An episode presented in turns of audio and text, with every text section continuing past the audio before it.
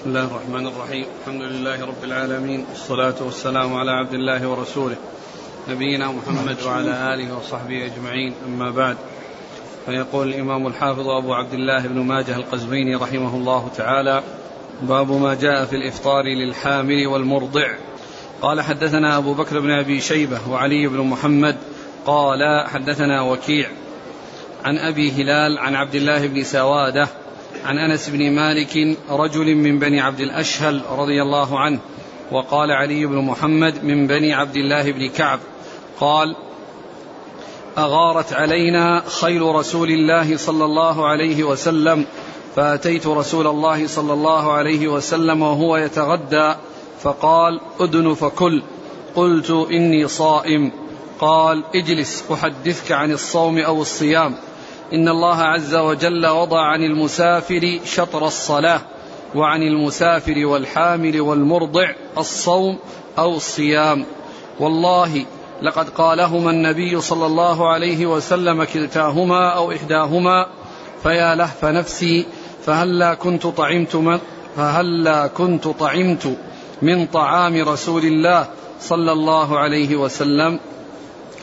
بسم الله الرحمن الرحيم. الحمد لله رب العالمين وصلى الله وسلم وبارك على عبده ورسوله نبينا محمد وعلى آله وأصحابه أجمعين أما بعد. فيقول الإمام ماجه باب ما جاء في الإفطار للحامل والمرضع. ما جاء في الإفطار للحامل والمرضع. يعني أن الحامل والمرضع إذا خافتا على أنفسهما بسبب الصيام أو على ولديهما فإنهما يفطران. إذا خافتا على أنفسهما أو على ولديهما فإنهما يفطران. ثم إذا حصل الإفطار عليهن القضاء. عليهن القضاء. وبعض أهل العلم قال إذا كان الإفطار بسبب الولدين فإنه يضاف إلى القضاء الإطعام. بأن تطعم, عن كل يوم مسكينا. لأنها لم تفطر لأمر يخصها ولخوف على نفسها وإنما خافت على غيرها. فصار عليها في ذلك القضاء والإطعام. وأما إذا كان خوفها على نفسها فقط فإنها تفطر وتقضي.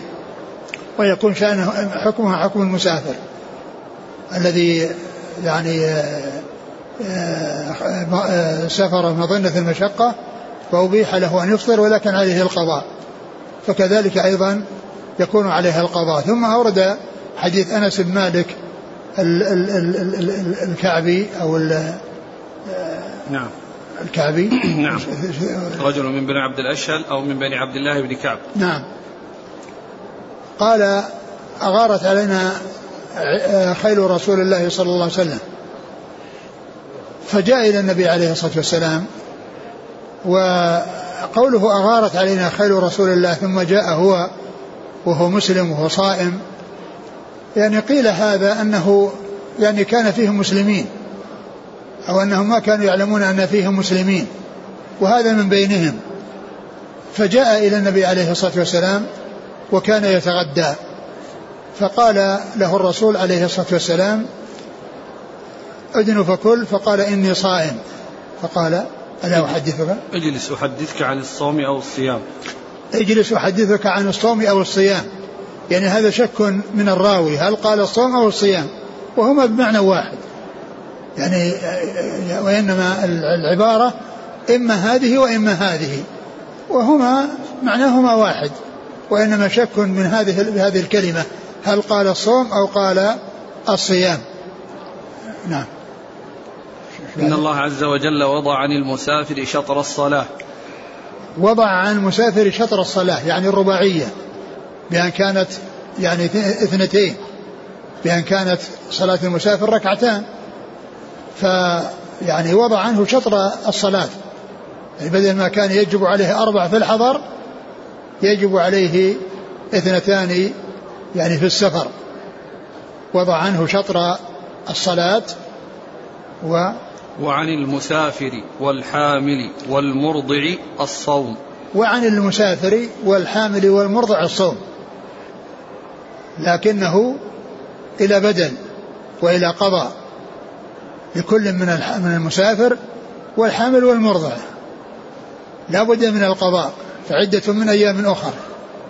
ولكن إذا كانت المرأة خافت على نفسها أو على ولدها خافت على نفسها فإنه يضاف إلى إفطارها بسبب الخوف على ولدها أنها تطعم لأنها أفطرت لمصلحة غيرها وليس لمصلحتها لأنها لم تخف على نفسها وإنما خافت على غيرها.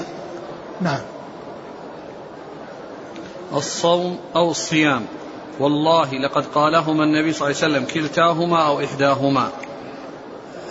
أعد اللفظ ليش؟ اجلس أحدثك عن الصوم أو الصيام. نعم. إن الله عز وجل وضع عن المسافر شطر الصلاة وعن المسافر والحامل والمرضع الصوم أو الصيام.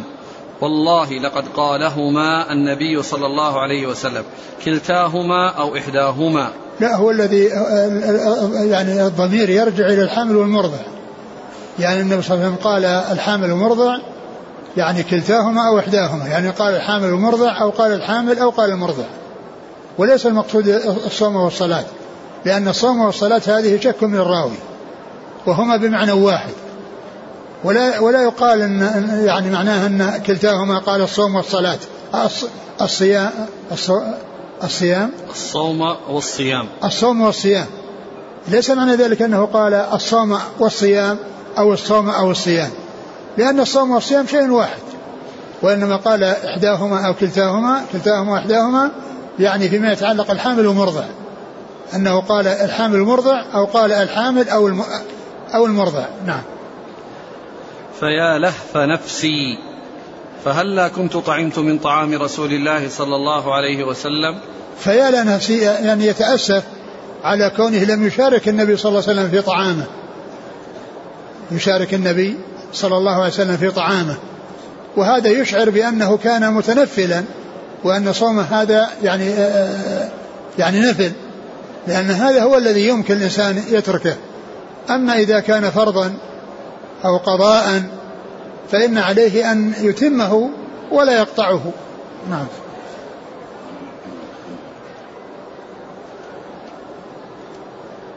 هو الآن أغار أغارت عليهم الخيل يعني على قوم لأنهم كانوا كفار. نعم. يعني يعني على قوم كفار أو يظن أنهم يعني كلهم كفار ولكنه صار فيهم مسلمين أو صاروا مسلمين. نعم. قال حدثنا أبو بكر بن أبي شيبة.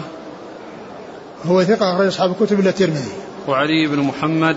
الطنافسي ثقة أخرجه النسائي في مسند علي وابن ماجه. عن وكيع وكيع بن الجراح الرؤاسي الكوفي ثقة أخرج أصحاب الكتب. عن أبي هلال وهو؟ صدوق فيه لين نعم. في البخاري تعليقا وأصحاب السنن. نعم. عن عبد الله بن سوادة وهو؟ ثقة أخرجه مسلم وأصحاب السنن. نعم. عن أنس بن مالك الكعبي رضي الله عنه أخرج له؟ أصحاب السنن. نعم. قال حدثنا وهذا غير أنس بن مالك، أنس بن مالك خادم الرسول صلى الله عليه وسلم يعني هذا هو الذي روايته كثيرة جدا وهو أحد السبع المكثرين. ولكن هذا من المقل من المقلين. ولما كان هو المقصود أضاف إليه ما يميزه عن أنس بن مالك خادم الرسول عليه الصلاة والسلام. فقال من بني عبد الأشهل أو من بني عبد الله بن كعب. نعم. قال حدثنا هشام بن عمار الدمشقي قال حدثنا الربيع بن بدر عن الجريري عن الحسن عن أنس بن مالك رضي الله عنه أنه قال رخص رسول الله صلى الله عليه وسلم للحبلى التي تخاف على نفسها أن تفطر وللمرضع التي تخاف على ولدها. رخص رسول الله صلى الله عليه وسلم للحبلى التي تخاف على نفسها أن تفطر. وللمرضع التي تخاف على ولدها. ثم ذكر هذا الحديث عن أنس بن مالك رضي الله عنه وأن النبي صلى الله عليه وسلم رخص للح...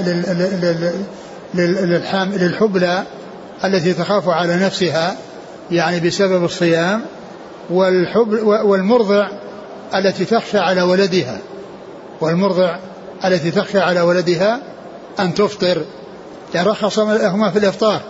لكن كما هو معلوم عليهما القضاء. لا بد من القضاء. لا بد من عدة من أيام أخر. والحديث في إسناده رجل متروك.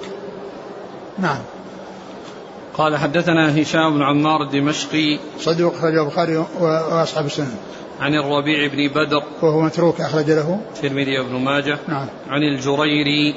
وهو سعيد بن إياس الجريري وهو ثقة أخرج أصحاب الكتب. عن الحسن.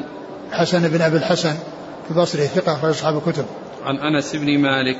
وعن أنس بن مالك رضي الله عنه خادم الرسول عليه الصلاة والسلام وأحد السبعة المكثرين من حديثه. ففيه آه، رواية الحسن بالعنعنة وهو مدلس وفيه الرجل المتروك.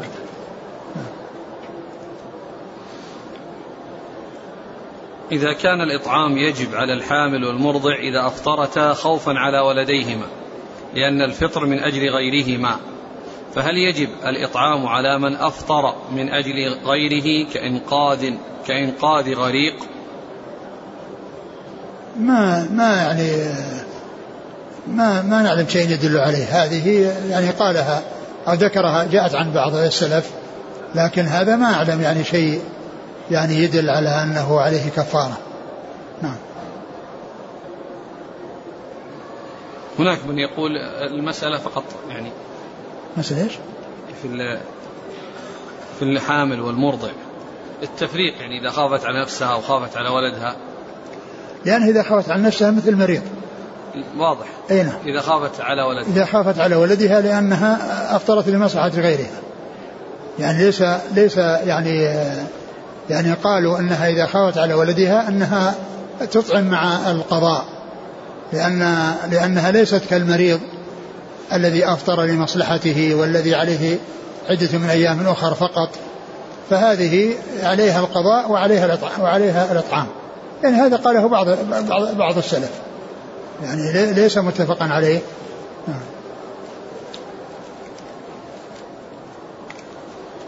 قد يعني النساء تقول أجمع يعني الخوف على نفسي على ولدي. السبب في الإفطار عندي السببين. لا إذا كان أنها خافت على نفسها خلاص يعني لا, لا المعتبر هو خوفها على نفسها لأنها تصير مثل المريض.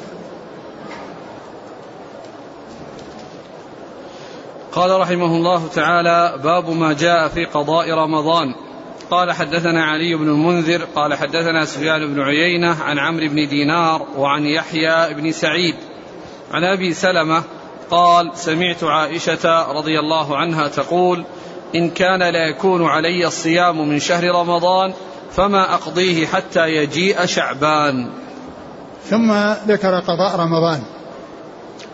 وقضاء رمضان موسع يعني إلى أن يضيق الوقت بقرب شهر رمضان الذي هو شعبان. والمبادرة مطلوبة ولا ينبغي الإنسان أن يتساهل ويؤخر لأن ذلك قد يؤدي إلى أن يصل رمضان وهو لم يفعل. لكنه لو أخر إلى إلى إلى, إلى شعبان فإن لا بأس عليه لأنه ليس القضاء على الفور وإنما هو على التراخي لكن لا لا يؤخره عن رمضان الآتي لا يؤخره عن رمضان الآتي. فأورد حديث عائشة رضي الله عنها إن كانت قالت إن, إن كنت إن, إن كان لا يكون علي الصيام من شهر رمضان فما أقضيه حتى يجيء. إن كان ليكون علي الصيام من شهر رمضان يعني القضاء يعني بسبب الحيض أو بسبب مرض فلا أقضيه إلا في شعبان. يعني حيث يعني يكون ذلك الوقت المضيق الذي يعقبه رمضان يعقبه رمضان والذي لا يؤخر لا يؤخر فيه إلى رمضان آخر. وكانت يعني جاء أن هذا لمكانه لمكانها من رسول الله عليه الصلاة والسلام. يعني من أجل الرسول يعني هذا الفعل مع منها إنما هو من أجل الرسول عليه الصلاة والسلام. قد يحتاج إليها فتكون صائمة. ومعلوم أن من دخل في صيام الفرض لا يقطعه فهي لا تتمكن من القطع فهي لا يعني لا تستأذنه خشية أن يأذن لها وقد يكون له فيها حاجة ولكنها كانت تؤخر إلى ذلك الوقت الذي هو شعبان حيث يضيق الوقت وحيث أن النبي صلى الله عليه وسلم يكثر من صيام شهر شعبان. فتصوم في الوقت الذي يصوم فيه الرسول صلى الله عليه وسلم وفي الوقت الذي أيضا ضاق فيه الوقت. لأن الوقت المخير يعني ضاق بوصول إلى بالوصول إلى آخره. حيث لا يؤخر عن عن عن عن رمضان الآتي. ثم إن إن يعني عائشة رضي الله عنها يعني لا يقال إنها لا تتنفل لأن القضاء مقدم على الأداء والإنسان الذي على النفل والذي عليه قضاء عليه أن يبادر به مثل من صام رمضان وأتبعه ستا من شوال. فالذي عليه قضاء من رمضان يصوم القضاء قبل أن يصوم الست من شوال. لأن الفرض مقدم على النفل. الفرض مقدم على النفل. والنبي صلى الله عليه وسلم قال صام رمضان وأتبعه سنة من شوال. وهذا ما صام رمضان بقي عليه. بقي عليه قضاء من رمضان. وأيضا آه، يعني الرسول عليه الصلاة والسلام كان يقسم بين نسائه وهن تسع. فإذا كان ثمانية أيام ليس عندها إذا قيل لماذا لا تصوم في هذه المدة؟ يعني آه، آه، الجواب عن هذا أن أن الرسول عليه الصلاة والسلام كان يأتي إلى بعض نسائه يأتي إلى نسائه في أيام في في الأيام التي آه التي هو عند عند الواحدة يدور على نسائه.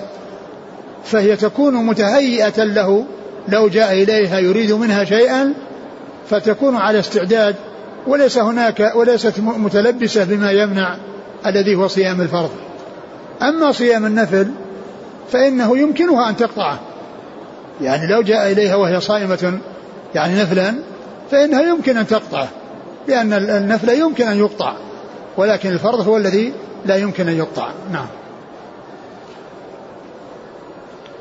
قال حدثنا علي بن المنذر. هو؟ صدوق خرجه الترمذي والنسائي بن ماجه. نعم. عن سفيان بن عيينة. ثقة أخرج أصحاب الكتب. عن عمرو بن دينار. ثقة أخرج أصحاب الكتب. ويحيى بن سعيد. الأنصاري ثقة أخرج أصحاب الكتب. عن أبي سلمة. أبو سلمة بن عبد الرحمن بن عوف ثقة أخرج أصحاب الكتب. عن عائشة. أم المؤمنين رضي الله عنها. نعم. قال حدثنا علي بن محمد قال حدثنا عبد الله بن نمير عن عبيدة عن إبراهيم عن الأسود عن عائشة رضي الله عنها أنها قالت كنا نحيض عند النبي صلى الله عليه وسلم فيأمرنا بقضاء الصوم. ثم ذكر حديث عائشة أن النبي صلى الله عليه أنها قالت كنا نحيض عند النبي صلى الله عليه وسلم فيأمرنا بقضاء الصوم. يأمرنا بقضاء الصوم. وجاء في آه، حديثها الآخر عن معاذة العدوية أنها أن كنا نؤمر بقضاء الصوم ولا نؤمر بقضاء الصلاة. ولا نؤمر بقضاء الصلاة. وذلك أن الصلاة يعني تكثر والصيام يعني آه إنما يكون شهرا في السنة فالقضاء يعني فيه يكون سهلا على المرأة ولا يتجمع عليها عدد من الفروض بالنسبة للصلاة. ولهذا الصلاة أسقطت عنها. فلا فليس لها أن تقضيها. ليس لها أن ليس لها أن تصلي في حال حيضها وليس لها أن تقضي تلك الصلاة وإنما تقضي الصوم ولا تقضي الصلاة. لأن الصوم لا يتكرر في اليوم والليلة خمس مرات فيكون عليها عدد كبير من الصلوات وإنما يكون أياما من من من شهر رمضان الذي يأتي مرة واحدة في السنة. فإذا كان عليها أيام معدودة جلستها أيام حيضها فإنها تقضي تلك الأيام. فالحديث يدل على ما جاء في حديث عائشة الآخر الذي فيه قضاء الصوم دون قضاء الصلاة. نعم. قال حدثنا علي بن محمد عن عبد الله بن نمير. ثقة أخرج أصحاب الكتب. عن عبيدة. وهو ضعيف وجر البخاري تعليقا وأبو داود والترمذي وابن ماجه. نعم. عن إبراهيم. النخعي ثقة أخرج أصحاب الكتب. عن الأسود. آه، وهو ثقة أخرج أصحاب الكتب. عن عائشة.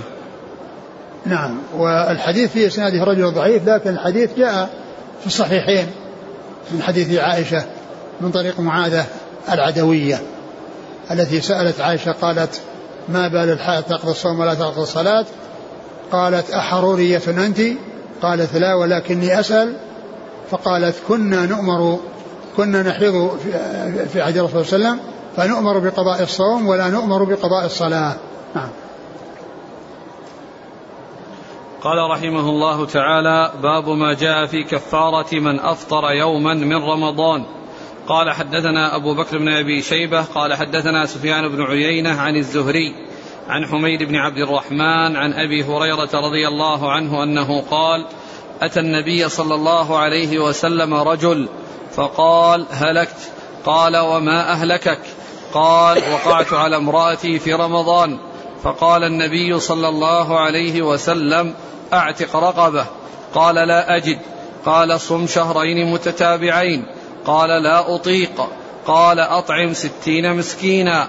قال لا أجد. قال اجلس. فجلس. فبينا هو كذلك إذ أتي بمكتل يدعى العرق. فقال اذهب فتصدق به. قال يا رسول الله والذي بعثك بالحق ما بين لابتيها أهل بيت أحوج إليه منا؟ قال فانطلق فأطعمه عيالك. ثم ذكر كفارة الإفطار في رمضان الإفطار في الجماع. وأورد حديث أبي هريرة في قصة الرجل الذي جاء إلى النبي عليه الصلاة والسلام وقال هلكت؟ قال وما لك. قال وقعت على أهلي في رمضان في نهار رمضان. فقال أعتق رقبة. فقال إنه لا يجد. قال صم شهرين متتابعين. قال لا أستطيع. قال أطعم ستين مسكينا. قال لا أجد. فقال اجلس. فجلس. فأتي النبي صلى الله عليه وسلم بمكتل يدعى العرق يعني آه، وعاء. يعني يتخذ من الخوص وفيه تمر وفيه طعام فقال تصدق به يعني كفارة فقال على أفقر منا ما بين لابتيها أي المدينة اللابتين الحرتين أحد أفقر منا فقال عليه الصلاة والسلام أنفقه على أهلك أو على عيالك أنفقه على عيالك هذا يدل على أن من أفطر بالجماع في نهار رمضان أن عليه الكفارة وهي على الترتيب ككفارة الظهار. يعني يعتق رقبة وإذا لم يعني يجد ولم يقدر فإنه يصوم شهرين متتابعين وإذا لم يستطع الصيام فإنه يطعم ستين مسكينا فإنه يطعم ستين مسكينا وهي على الترتيب. العتق ثم الصيام ثم الإطعام. فهذه كفارة من من حصل يعني له الجماع في نهار رمضان. وهي خاصة بالجماع ولا تكون في غيره. من أفطر في يعني في الأكل أو الشرب لا يقال أن عليه هذه الكفارة لأنها إنما جاءت فيما يتعلق بالجماع فيكون الحكم مقصورا يعني مقصورا على على ما ورد فيه النص. أعد الحديث. قال جاء رجل أتى النبي صلى الله عليه وسلم رجل فقال هلكت؟ قال وما أهلكك؟ قال وقعت على امرأتي في رمضان. فقال النبي صلى الله عليه وسلم أعتق رقبة. قال لا أجد. قال صم شهرين متتابعين. قال لا أطيق قال أطعم ستين مسكينا. قال لا أجد. قال اجلس. فجلس. فبينا هو كذلك إذ أتي بمكتل يدعى العرق فقال اذهب فتصدق به.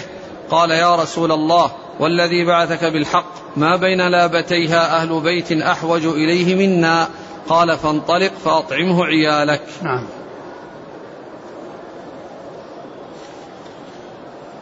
قال حدثنا أبو بكر بن أبي شيبة عن سفيان بن عيينة نعم. عن الزهري محمد بن مسلم بن عبد الله بن شهاب. ثقة أخرج أصحاب الكتب. عن حميد بن عبد الرحمن. بن عوف ثقة أخرج أصحاب الكتب. عن أبي هريرة. رضي الله عنه أكثر الصحابة حديثا.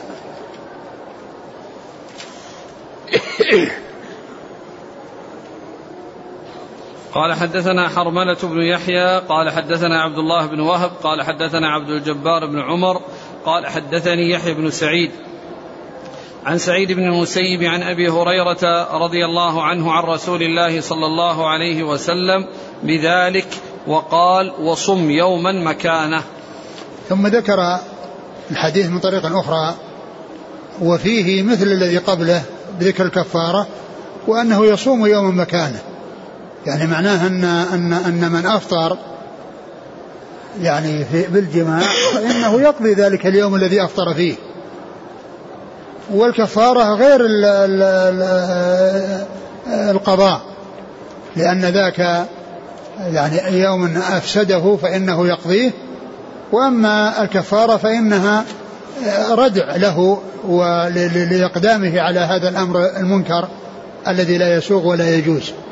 فإذا يصوم يعني شهر يعتق رقبة ثم لم إذا لم يصوم شهرين ثم إذا لم يصوم ستين مسكين يطعم ستين مسكينا وأما القضاء فإنه بدل اليوم الذي أفطره.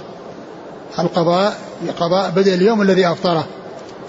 وهذا يدل على أن أن الكفارة لا تغني عن القضاء بل الكفارة مرتبة يعني لأن فيها عتق وليس فيها وليس فيها صيام لما استطاع العتق.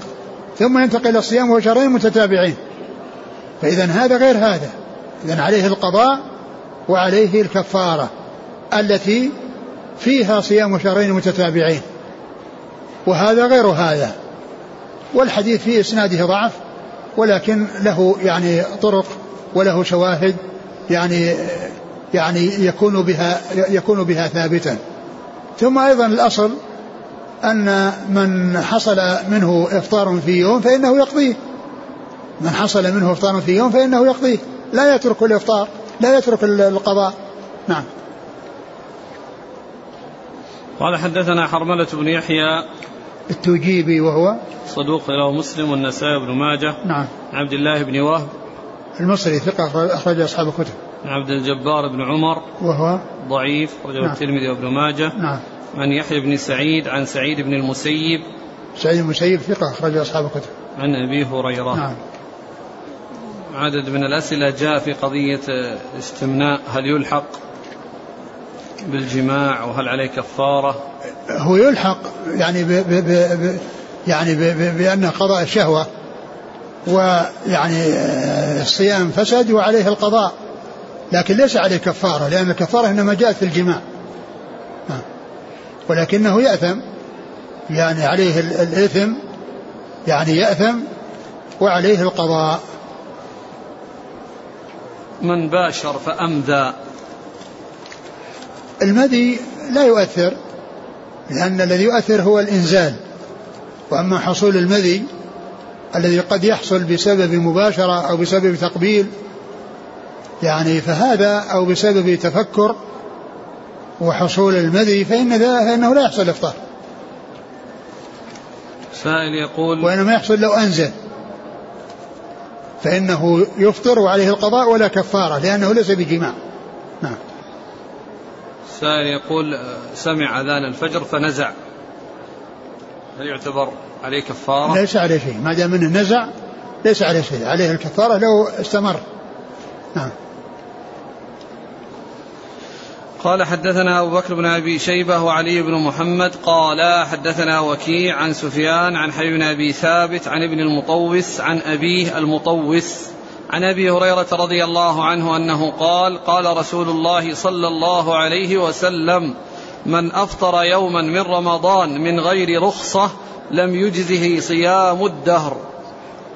ثم ذكر حديث أبي هريرة, أبي هريرة رضي الله عنه. من أفطر يوم من رمضان من غير عذر لم يجزه صيام الدهر ولو صامه. لم يجزه لم يجزه صيام الدهر. نعم لم يجزه صيام الدهر. يعني هذا في تغليظ آه، للإفطار في رمضان وأن أمره خطير وانه أمره عظيم. ولكن القضاء عليه. أقول لازم له. القضاء لازم له. والحديث ضعيف يعني ليس بصحيح. وأما القضاء فإن عليه القضاء و يعني وكونه يعني لو صام الدهر لا يجزيه الحديث ضعيف والقضاء لازم له. نعم.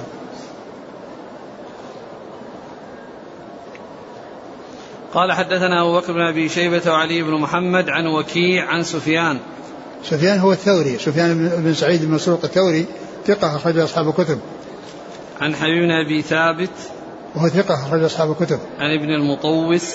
وهو لين الحديث. نعم. أخرج أصحاب السنن. عن أبيه المطوس. مجهول. أخرج أصحاب السنن. نعم. عن أبي هريرة. نعم.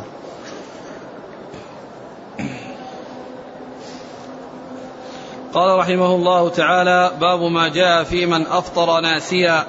قال حدثنا أبو بكر بن أبي شيبة قال حدثنا أبو أسامة عن عوف عن خلاس ومحمد بن سيرين عن أبي هريرة رضي الله عنه أنه قال قال رسول الله صلى الله عليه وسلم من أكل ناسيا وهو صائم فليتم صومه فإنما أطعمه الله وسقاه ثم ذكر من من أفطر ناسيا باب نعم.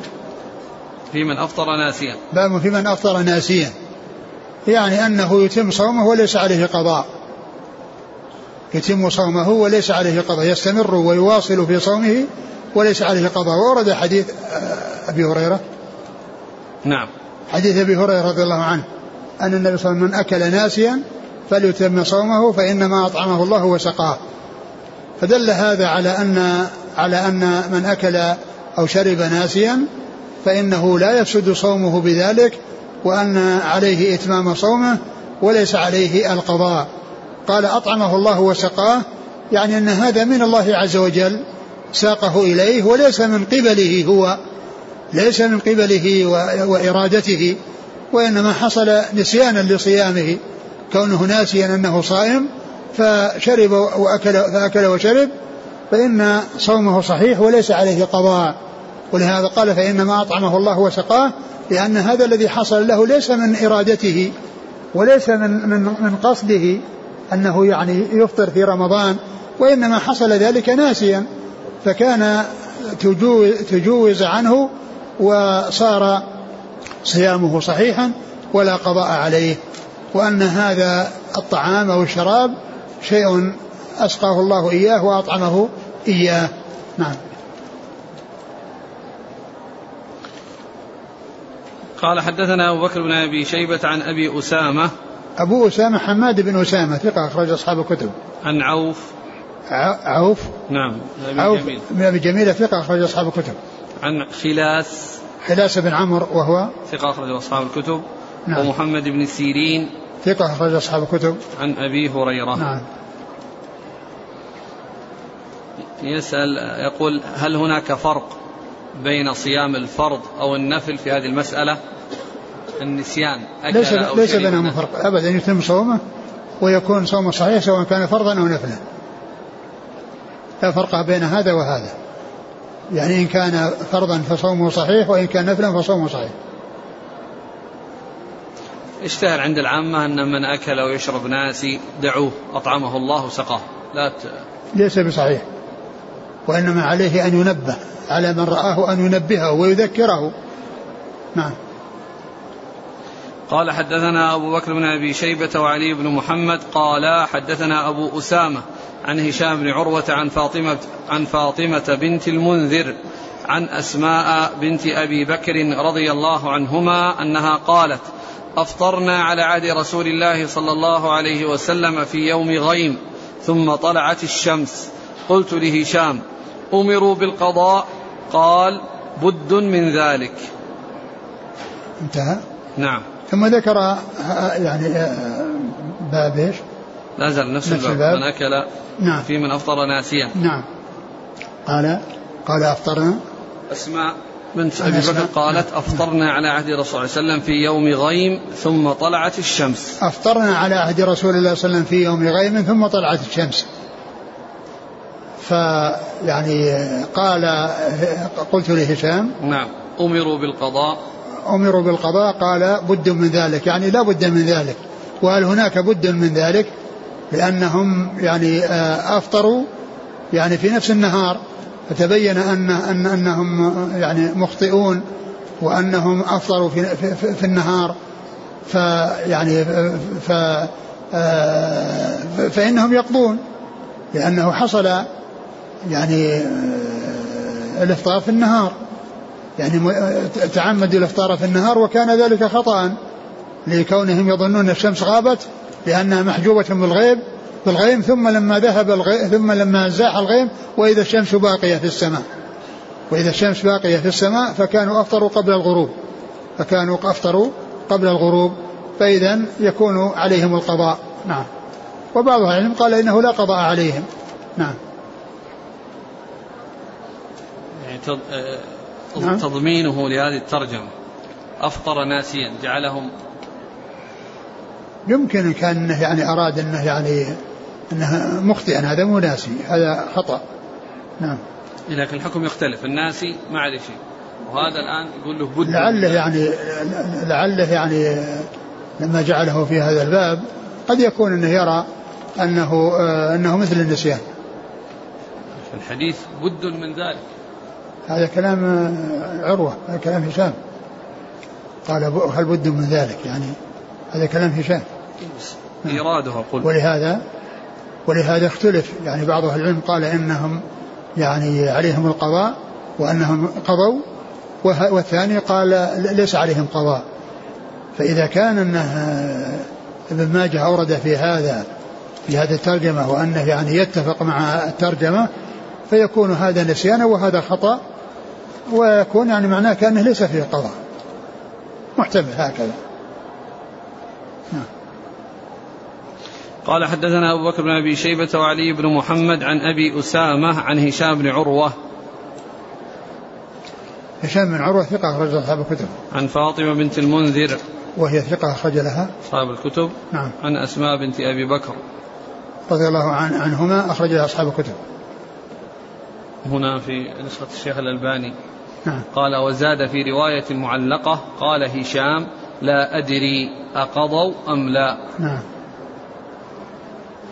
يعني الآن تخالف. الأولى أمروا بالقضاء قال نعم. فلا لا بد من ذلك. نعم. هنا يقول لا أدري أقضوا أم لا. نعم. في أقول أقول جاء عنه هذا وهذا. ولكن الأصل أن أن أن أن الإفطار يعني في في نهار رمضان يعني يعني خطأ فإنه يعني عليه القضاء. يعني مثله مثله ما لو أن الناس يعني جاءهم الخبر في أول الشهر في نصف النهار فإن عليهم أن يمسكوا وعليهم القضاء. عليهم أن يمسكوا بقية اليوم وعليهم القضاء. هذه الزيادة المعلقة صحيحة؟ ما أدري. الكلام سليم. مو سليم شو اسمه؟ اي نعم. الحلبي علي حسن. شو يقول؟ يقول صحيح صحيح حكم الشيخ صحيح صحيح أبي داود. خاء خرج البخاري. وزاد في رواية معلقة قال هشام لا أدري أقضوا أم لا. معلقات البخاري يعني. معلقات معلقة عند البخاري. اي نعم. قال رحمه الله تعالى باب ما جاء في الصائم يقي. قال حدثنا أبو بكر بن أبي شيبة قال حدثنا يعلى ومحمد بن عبيد الطنافسي. قال حدثنا محمد بن إسحاق عن يزيد بن أبي حبيب عن أبي مرزوق. قال سمعت فضالة بن عبيد الأنصاري يحدث رضي الله عنه يحدث أن النبي صلى الله عليه وعلى آله وسلم خرج عليهم في يوم كان يصومه. فدعا بإناء فشرب. فقلنا يا رسول الله إن هذا يوم كنت تصومه. قال أجل ولكني قئت. انتهى؟ نعم. ثم ذكر باب باب إيش؟ ما جاء. الصائم يقي. باب الصائم يقي. الصائم يعني إذا حصل منه القيء بفعله فإنه يفطر. وأما إذا ذرعه القيء وخرج من غير اختياره فإنه لا يفطر. وقد جاء الحديث في ذلك في الذي بعد هذا. وذكر هذا الحديث الذي فيه إسناده ضعف وهو أن النبي صلى الله عليه وسلم كان خرج عليهم في يوم كانوا يعرفون أنه يصومه فطلب ماء فقالوا يعني ألست صائما؟ قال قال بلى ولكني قئت. يعني معناه أنه آه، أفطر بسبب القيء. كان صائما ولكنه أفطر بسبب القيء. والحديث الذي سيأتي فيه أن من ذرعه القيء فإنه لا قضاء عليه. والذي آه، وأن والذي يكون عليه القضاء هو الذي يجذبه أو يتعمد إخراجه. فهذا هو الذي يكون عليه القضاء. والحديث الأول هذا الذي معنا ليس بصحيح لأن في إسناده من هو ضعيف. نعم. الإسناد قال حدثنا أبو بكر بن أبي شيبة عن يعلى ومحمد بن عبيد الطنافسي. يعلى هو؟ لين. أخرج أصحاب الكتب. و محمد. بن عبيد ثقة؟ أصحاب الكتب. نعم. عن محمد بن إسحاق. وهو صدوق. أخرجه البخاري تعليقا ومسلم وأصحاب السنن عن يزيد بن أبي حبيب ثقة أخرج أصحاب الكتب. عن أبي مرزوق وهو ثقة أخرج أبو داود بن ماجه نعم.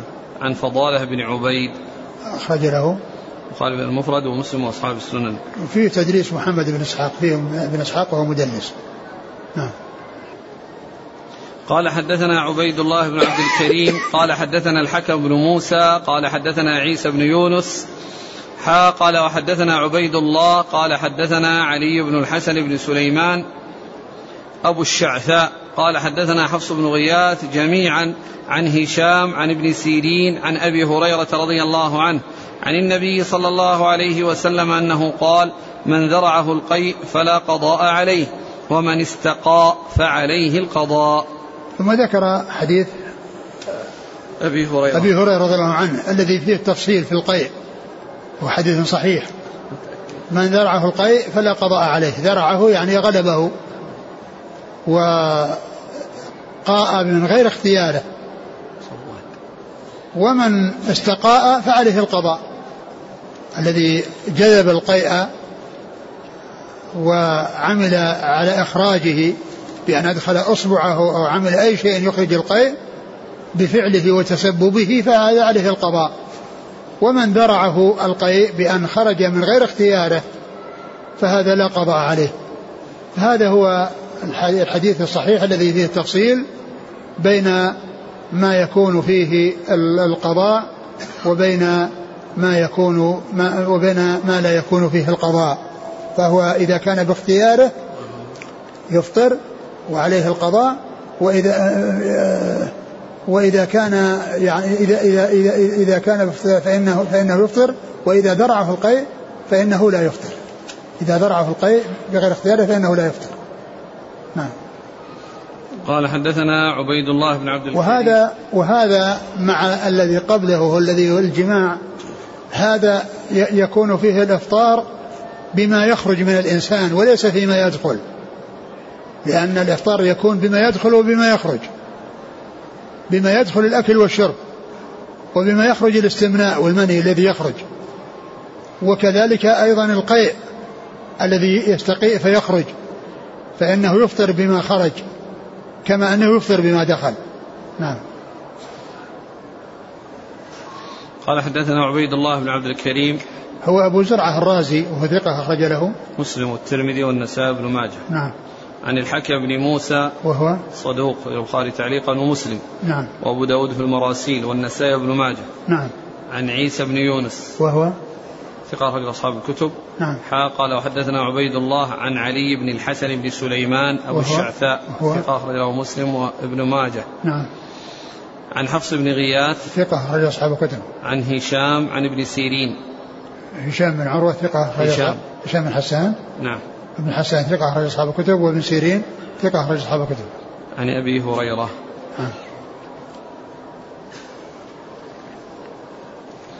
قال رحمه الله تعالى باب ما جاء في السواك والكحل للصائم. قال حدثنا عثمان بن محمد قال حدثنا عثمان بن محمد بن أبي شيبة. قال حدثنا أبو إسماعيل المؤدب عن مجالد عن الشعبي عن مسروق عن عائشة رضي الله عنها أنها قالت قال رسول الله صلى الله عليه وسلم من خير خصال الصائم السواك. ثم ذكر السواك والكحل للصائم وذكر هذا الحديث بما يتعلق بالسواك. قال من خير خصال الصائم السواك. من خصال خصال من خير خصال الصائم السواك.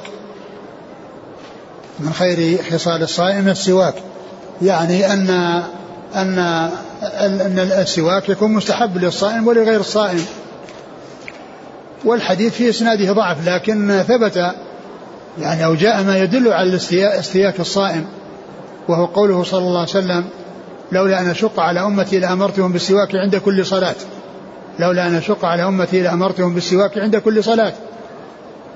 ومعلوم ان ان, أن الصائم يعني عنده صلاة الفجر وعنده صلاة الظهر وصلاة العصر كلها يعني يستاك عندها.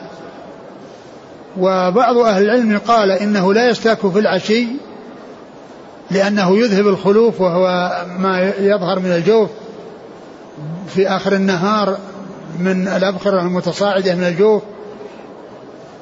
ولكن حديث لولا أن أشق على أمتي يدل على خلافه لأنه لأن فيه العصر والعصر في آخر النهار والعصر في آخر النهار بعد الزوال. فدل هذا على أنه لا بأس للصائم أن يستاك وهو مثل المضمضة كما أنه يتمضمض ويخرج الماء فكذلك يستاك يطهر فمه و فيكون مثل المضمضة. فإذا هو مثل المضمضة في أن تنظيف للفم وتطهير له وفيه أيضا أنه داخل تحت عموم قوله صلى الله عليه وسلم لولا أن أشق على أمتي لأمرتهم بالسواك عند كل صلاة. وأما الحديث الذي معنا ففيه ضعف. نعم. قال حدثنا عثمان بن محمد بن أبي شيبة. وهو أخو أبو بكر بن أبي شيبة وهو ثقة أخرج له أصحاب الكتب إلا الترمذي. وإلا النسائي فقد أخرج له في مسند عليه نعم في العمل اليوم والليلة. نعم عمل اليوم والليلة. في عمل اليوم والليلة نعم. عن أبي إسماعيل المؤدب. في عمل مسند علي ذاك عند عند علي بن محمد. عند النسائي نعم. نعم. عن أبي إسماعيل المؤدب. آه، وهو؟ صدوق يغرب أخرج له ابن ماجه. نعم. عن مجالد. وهو ليس بالقوي؟ أخرج له مسلم وأصحاب السنن. نعم.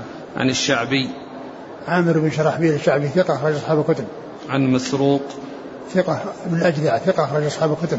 عن عائشة. نعم. السواك بنكهات الليمون وغير ذلك. ما يؤثر لأنه يعني ما دام إنه يعني شيء في الفم يعني يخرج ولا يعني ما ما, ما يؤثر. استعمال معجون الأسنان في نهار رمضان. الأولى ألا يفعله لكن إن فعله ولم يدخل إلى جوفه شيء فإنه لا بأس به. بالنسبة للنكهات يعني هي النكهة راح تكون مع اللعاب. إذا تسوك بتصير مع لعاب الفم. اللي يجب أن يلفظها من جنس من جنس من جنس من جنس يعني مثل فتات السواك مثل مثل نعم من جنس السواك نعم. إذا هناك من يشترط يقول لابد يكون السواك يعني ناشف أما الطري لا الذي رطوبة لا لا حتى الأراك. حتى الطري ما في بأس. لا بأس بذلك. قال حدثنا أبو التقي هشام بن عبد الملك الحمصي. قال حدثنا بقية قال حدثنا الزبيدي عن هشام بن عروة عن أبيه عن عائشة رضي الله عنها أنها قالت اكتحل رسول الله صلى الله عليه وسلم وهو صائم. ثم ذكر هذا الحديث عن عائشة رضي الله عنها أن النبي صلى الله عليه وسلم اكتحل وهو صائم. والكحل للصائم لا بأس به. الكحل للصائم لا بأس به لأنه ليس من ليس من المنافذ التي يعني يتغذى من طريقها. وأورد فيه هذا الحديث عن عائشة أن النبي أن النبي صلى الله عليه وسلم اكتحل وهو صائم. لكن الحديث في إسناده الزبيدي وهو سعيد بن عبد الجبار وهو ضعيف. ويعني روى عنه ابن ماجه هذا الحديث وهو ضعيف الذي هو سعيد بن عبد الجبار. فالحديث غير صحيح. والشيخ الألباني رحمه الله صححه. ولعله صححه يعني ظنا منه أنه محمد بن الوليد الذي هو ثقة محمد بن الوليد الزبيدي. الذي هو ثقة. ولهذا هو حال على الروض النظير الذي هو الجامع المعجم الصغير. والطبراني جاء في إسناده محمد بن الوليد. جاء في إسناده محمد ابن الوليد. لكن المعروف أن راوي الحديث والذي آه، يعني آه، جاء عند ابن ماجه وعند غيره وقالوا إنه يعني ذكروا في ترجمته في تهذيب التهذيب قال روى له ابن ماجه حديث الكحل الصائم. حديث الكحل الصائم. يعني فنص على أن هذا هو المقصود به الزبيدي الضعيف وليس المقصود به الثقة. فتصحيح الشيخ ناصر ما أدري هل هو وهم أو عنده شيء طرق أخرى ولكن كونه حال إلى الروض النظير هذا الذي هو متعلق بالمعجم الصغير يعني والمعجم الصغير هذا لم يخرج فلعله قد ظن أنه محمد بن الوليد كما جاء في إسناد الطبراني فإن فيه محمد بن الوليد. وقالوا إنه وهم وإنما هو وإنما هو الزبيدي الذي هو سعيد بن عبد الجبار. وذكروا في ترجمته أن هذا من مروياته الذي أن هذا أن أن أن أنه هو الذي روى هذا الحديث. قالوا روى لأنه روى عن روى عنه بقية وروى عن عن هشام بن عروة. قالوا روى حديث أو جاء عنه حديث الفطر حديث الكحل للصائم. فإذا الحديث فيه هذا الرجل وهو ضعيف. ولكن ولكنه سائر ولا بأس به. نعم. اللي هو الاكتحال قال حدثنا أبو التقي هشام بن عبد الملك الحمصي. وهذا الذي يعني آه الذي يحصل الاختلاف في التصحيح والتضعيف. لأن يعني أحيانا التصحيح والتضعيف يكون ب آه، يعني بفهم رجل هل هو ثقة أو ضعيف. يعني فقد يكون الشيخ ناصر ليس عنده شيء يقويه وإنما رأى آه، في في في, في إسناد الطبراني أنه محمد الوليد فصحح الحديث به وقال صحيح. وغيره يعني عرف أنه الزبيدي أنه سعيد بن عبد الجبار الزبيدي هذا الذي هو ضعيف. فيكون يعني كما كما هو معلوم يعني من من من هذا من الأحاديث التي يكون فيها الاختلاف في التصحيح والتضعيف بناء على الاختلاف في يعني في تعيين الرجل. الذي في الإسناد هل هو ضعيف ولا ثقة؟ وقد يعني سبق أن مر بنا حديث آه، أظن عند ابن ماجه عند الترمذي حديث آه، اللهم أغني بحلالك عن حرامك وبفضلك عن من سواك لأن في إسناده عبد الرحمن بن إسحاق وعبد الرحمن بن إسحاق اثنان وأحدهما صدوق والثاني ضعيف. فبعض أهل العلم ضعف الحديث وقال إنه من رواية عبد الرحمن بن إسحاق الضعيف. والشيخ ناصر صححه أو حسنه لأنه وجد في بعض الروايات تعيين الثقة أو في بعض الأسانيد تعيين الثقة وأن المقصود به الصدوق هذا الذي يقبل حديثه فصحح الحديث. فإذا يكون الاختلاف بين العلماء أحيانا في التصحيح والتضعيف للحديث بناء على تعيين الرجل الذي في الإسناد هل هو هذا ولا هذا؟ هل هو الضعيف أو الثقة فمن صححه فهم أنه ثقة ومن ضعفه فهم أنه الضعيف ويتبين ذلك يعني مثل ما ذكر الشيخ ناصر أنه وجد في بعض الأسانيد تعيين عبد الرحمن بن إسحاق الصدوق. عبد الرحمن بن إسحاق في التقريب. عبد الرحمن بن إسحاق أحدهما صدوق والثاني ضعيف. الأول عبد الرحمن بن إسحاق الواسطي هذا ضعيف. نعم. ثاني عبد الرحمن بن إسحاق بن عبد الله بن الحارث المدني نعم. يقال له عباد صدوق. نعم. هذا هو المدني. يعني يعني الذين ضعفوا الحديث لأنه جاء عبد الرحمن بن إسحاق بس ما ذكر لا المدني ولا الواسطي. ففهموا أنه الواسطي فضعفوا الحديث. والشيخ ناصر وجد في بعض الطرق تعيين المدني فصحح الحديث. أو حسن الحديث. ومثل هذا ما ذكره الحافظ بن حجر في في تهذيب التهذيب في ترجمة ياسين العجلي. في ترجمة ياسين العجلي. فإنه ذكر أن ذكر يعني في ترجمته يعني حديث يتعلق بالمهدي قال وراويه يعني ياسين العجلي. قال ظن بعض المتأخرين أن ياسين هو الزيات فضعف الحديث بسببه فلم يصنع شيئا. فضعف الحديث بسببه فلم يصنع شيئا وإنما هو ياسين العجلي. يعني فيكون التصحيح والتضعيف أحيانا يكون أو الاختلاف التصحيح والتضعيف يكون برجل في الإسناد يعني يختلف هل هو هذا أو هذا. نعم. هنا في بلوغ المرام يعلق عليه عصام موسى هادي من تلاميذ الشيخ الألباني. نعم. يقول عن هذا الحديث خرجه ابن ماجه قال ضعيف لأن حافظ بن حجر قال رواه ابن ماجه بإسناد ضعيف. إيش؟ هذا حديثنا. قال؟ النبي صلى الله عليه وسلم اكتحل نعم. أورده في البلوغ وقال الحافظ بن حجر رواه ابن ماجه بإسناد ضعيف. من يقول هذا؟ حافظ بن حجر في البلوغ. نعم. رواه ابن ماجه بإسناد ضعيف وقال الترمذي لا يصح فيه شيء. نعم. المعلق يقول وأفصح الحافظ في الدراية عن علته. نعم. فقال وفي إسناده سعيد بن أبي سعيد الزبيدي. نعم. وهو ضعيف جدا. نعم.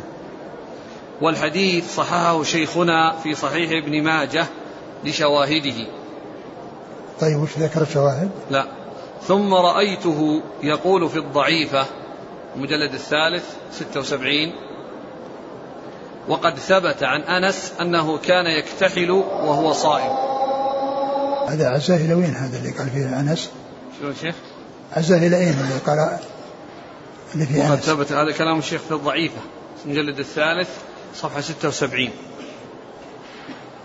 يقول الشيخ في الضعيفة وقد ثبت عن أنس أنه كان يكتحل وهو صائم وفي معناه أحاديث أحاديث مرفوعة لا يصح منها شيء كما قال الترمذي وغيره. هذا كلام الشيخ ناصر. كله في الضعيفة إذن وين؟ الثالث. إذا وين الشواهد اللي قال هنا؟ قال لشواهده صحح لشواهد. هذا في الأول. قال وحيد صحيح شيخنا في صحيح ابن ماجه لشواهده. ثم رأيته يقول في الضعيفة وقد ثبت عن أنس أنه كان يكتحل وهو صائم وفي معناه حديث مرفوعة لا يصح منها شيء كما. قال الترمذي. هنا قال لا يصح من الشيء تعال. نعم. يقول كلامه مو مستقيم. نعم. آخره ينقض نعم. اي نعم. يعني كلمة شواهد هذيك ما أدري. يعني أين هي؟ مع أنه هنا قال أنه لا يصح منها شيء. ولكن الذي يبدو والله أعلم أنها أنها يعني فهم أنها محمد بن الوليد لأنه عزه على تصحيحه إلى الجامع إلى الجامع إلى أفضل نظر، نعم. والحافظ بن حجر ذكر في نكتة الظراف على تحفة الأشراف أنه عند الطبراني محمد بن الوليد. محمد الوليد ابن الوليد. يتكلم على انها انه ليس بصحيح وانه المفروض آه، سعيد سعيد بن عبد الجبار. وفي ترجمته قال إن هذا الحديث يعني له حديث عند ابن ماجه حديث ال- ال- ال- الكحل الصائم فاذا هو المعروف به وهو صاحبه. نعم. قال حدثنا أبو التقي هشام بن عبد الملك. هو؟ صدوق ربما وهم أخرجه أبو داود والنسائي بن ماجه. نعم. عن بقية. ابن الوليد هو صدوق خرجه البخاري تعليقا ومسلم أصحاب السنة. عن الزبيدي. وهو سعيد بن عبد الجبار وهو ضعيف. أخرجه ابن ماجه. نعم. عن هشام بن عروة عن أبيه عن عائشة. يعني هو الآن لم يروي عنه إلا ابن ماجه ولم يروي عنه إلا هذا الحديث. ولم يروي عنه إلا هذا الحديث. قال عنده له حديث الفطر حديث الكحل الصائم نعم. عن هشام بن عروة عن أبيه عن عائشة. نعم. إذا القطرة قطرة العين. مثل مثل مثل الكحل أما قطرة الأنف؟ لا قطعة الأنف آه، تف- تفطر لأن لأنها مجرى يعني منفذ. الناس يتغذون عن طريق الأنف. وج- وجاء في الحديث وبالغ في الاستنشاق إلا أن تكون صائما.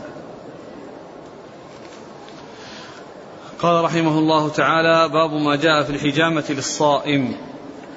قال حدثنا أيوب بن محمد الرقي وداود بن رشيد قال حدثنا معمر بن سليمان قال حدثنا عبد الله بن بشر عن الأعمش عن أبي صالح عن أبي هريرة رضي الله عنه أنه قال قال رسول الله صلى الله عليه وسلم أفطر الحاجم والمحجوم. قال حدثنا أحمد بن يوسف السلمي قال حدثنا عبيد الله قال أخبرنا شيبان عن يحيى بن أبي كثير قال حدثني أبو قلابة أن أبا أسماء حدثه عن ثوبان رضي الله عنه أنه قال سمعت النبي صلى الله عليه وسلم يقول أفطر الحاجم والمحجوم. نعم. وبإسناده عن أبي قلابة أنه أخبره أن شداد بن أوس رضي الله عنه بينما هو يمشي مع رسول الله صلى الله عليه وسلم بالبقيع فمر على رجل يحتجم بعدما مضى من الشهر ثمانية عشرة ليلة فقال رسول الله صلى الله عليه وسلم أفطر الحاجم والمحجوم نعم. قال حدثنا علي بن محمد قال حدثنا محمد بن فضيل عن يزيد بن أبي زياد عن مقسم عن ابن عباس رضي الله عنهما أنه قال احتجم رسول الله صلى الله عليه وسلم وهو صائم محرم ثم ذكر الحجامة للصائم والحجامة للصائم جاء فيها هذا الحديث عن الذي مر يعني بأسانيد متعددة أفطر الحاجم والمحجوم وجاء فيها حديث ابن عباس الأخير الذي فيه النبي صلى الله عليه وسلم احتجم وهو صائم واحتجم وهو محرم. هنا قال احتجم وهو صائم محرم والذي في البخاري احتجم وهو صائم وهو محرم. احتجم وهو صائم وهو محرم. فالحديث الأول يدل على أن الحجامة تفطر وأنه يفطر فيها الحاجم والمحجوم المحجوم لأنه خرج منه الدم الذي أضعفه وفيه إضعاف له والحاجم لأنهم كانوا فيما مضى الحاجم يمص المحاجم وفيها الدم فيكون ذلك مظنة لأن يذهب إلى جوفه شيء من الدم فيكون إفطاره بسبب ذلك.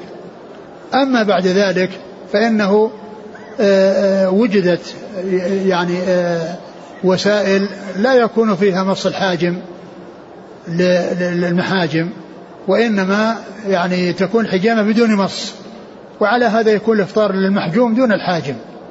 الحاجم الذي ما حصل منه مص لا يحصل منه إفطار وإنما كان يفطر أو جاء الإفطار لأنه لما كان يمص. وأما الحجامة التي لا مص فيها فإن الحاجم لا يكون مفطرا لأنه ما وجد منه السبب الذي يكون فيه الإفطار. والأحاديث في أفطار الحاج ومحجوم صحيحة. وحديث ابن عباس الذي فيه أنه احتجم وهو صائم واحتجم وهو محرم يعني يعني يدل على على حصول الحجامة منه صلى الله عليه وسلم وهو صائم. فبعض أهل العلم قال بحصول الإفطار للحاجم والمحجوم لصحة الحديث الذي ورد في ذلك. وبعضهم قال إن أن الحجامة أنها سائغة وأن آه، حديث أفطر حاجم ومحجوم آه، يعني منسوخ وأن كونه صلى الله عليه وسلم احتجم وهو صائم يعني يكون ذلك ناسخ له. وبعض أهل العلم قال أن هذا دل على حصول الحجامة منه وهو صائم وهذا دل على حصول الإفطار ومن الحاجم والمحجوم ويكون آه، آه، الشيء الذي فيه الذي فيه الإفطار يعني يكون فيه الاحتياط وفيه الأخذ ب يعني ب يعني ب آه، بما فيه الاحتياط. و و وبعض أهل العلم قال ان إن كونه احتجم وهو صائم ما في دليل على أنه لم يفطر. فمن الممكن يكون احتجم وهو صائم ويكون أفطر بذلك. قد أشار إلى هذا الشارح. إيش قال شوف الشارح إيش قال اللي هو السندي. قوله أفطر الحاجم المحجوم من لا يقول بظاهره يؤوله بأنه تعرض بعروض الضعف للمحجوم ووصول شيء إلى الجوف بمص القارورة الحاجم وقيل هو على التغليظ لهما والدعاء عليهما لكراهة فعلهما. وقيل بل المراد بذلك رجلان بعيني بعينهما كانا مشتغلين بالغيبة فقال صلى الله عليه وسلم ذلك على معنى ذهب أجرهما. أما نعم. احتجر الله عليه وسلم وهو صائم محرم قد يقال هذا الحديث لا يدل على بقاء الصوم بعد الحجامة لجواز أنه كان في سفر أو كان الصوم صوم تطوع يحل فيه الإفطار فأفطر بالحجامة. بل قد جاء ما يدل على أنه كان في حجة الوداع وحينئذ كان في صومه أمران التطوع والسفر. نعم. اللي في البخاري اي نعم أح أح آه، يعني وهو صائم وهو, وهو محرم. يعني جاء وهو صائم وهو محرم. حديث حديث ابن عباس في صحيح البخاري احتجر صلى الله عليه وسلم وهو محرم. وهو صائم أيضا. لا. كله فيه كله. آه، يعني فيه ت... لا يعني هو صائم يعني فيه نقط عندك محذوفة. لا الآن معنا المكتبة الجيبية. أيوه. أخرجنا حديث من البخاري. أي نعم. طيب والصائم وين هي؟ ما في. لا فيه. في موضوع ثاني. يمكن طريقة أخرى ولا مكان حديث آخر. يعني طيب شوف الرجال خلينا نمشي. قال حدثنا أيوب بن محمد الرقي هو؟ ثقة أخرج أبو داود والنسائي بن ماجه نعم. وداود بن رشيد وهو؟ ثقة أخرج أصحاب الكتب إلا الترمذي نعم. عن معمر بن سليمان وهو؟ ثقة أخرج الترمذي والنسائي بن ماجه عن عبد الله بن بشر نعم وهو؟ لا بأس به أخرج له النسائي بن ماجه عن الأعمش عن أبي صالح عن أبي هريرة. نعم. قال حدثنا أحمد بن يوسف السلمي. هو؟ ثقة أخرج له مسلم وأبو داود والنسائي بن ماجه عن عبيد الله بن موسى. نعم. ثقة ثقة أصحاب الكتب نعم. عن شيبان. وهو ثقة أخرج أصحاب الكتب. عن يحيى بن أبي كثير. ثقة أخرج أصحاب الكتب. عن أبي قلابة. عبد الله بن زيد الجرمي ثقة أخرج أصحاب الكتب. عن أبي أسماء وهو ثقة أخرج البخاري في المفرد ومسلم وأصحاب السنن. نعم. عن ثوبان رضي الله عنه أخرج له. قال المفرد ومسلم وأصحاب السنن. نعم. قال وبإسنادي عن أبي قلابة ثم عن شداد. نعم شداد أخرج له. أخرج له. أصحاب الكتب. نعم. قال حدثنا علي بن محمد عن محمد بن فضيل. صدوق أخرج أصحاب الكتب. عن يزيد بن أبي زياد. ضعيف. أخرج له. البخاري تعليقا ومسلم وأصحاب السنن نعم. عن مقسم مولى ابن عباس وهو صدوق رواه البخاري وأصحاب السنن نعم. عن ابن عباس. رضي الله عنهما نعم. والله أعلم وصلى الله وسلم وبارك على عبده ورسوله نبينا محمد وعلى آله وأصحابه أجمعين.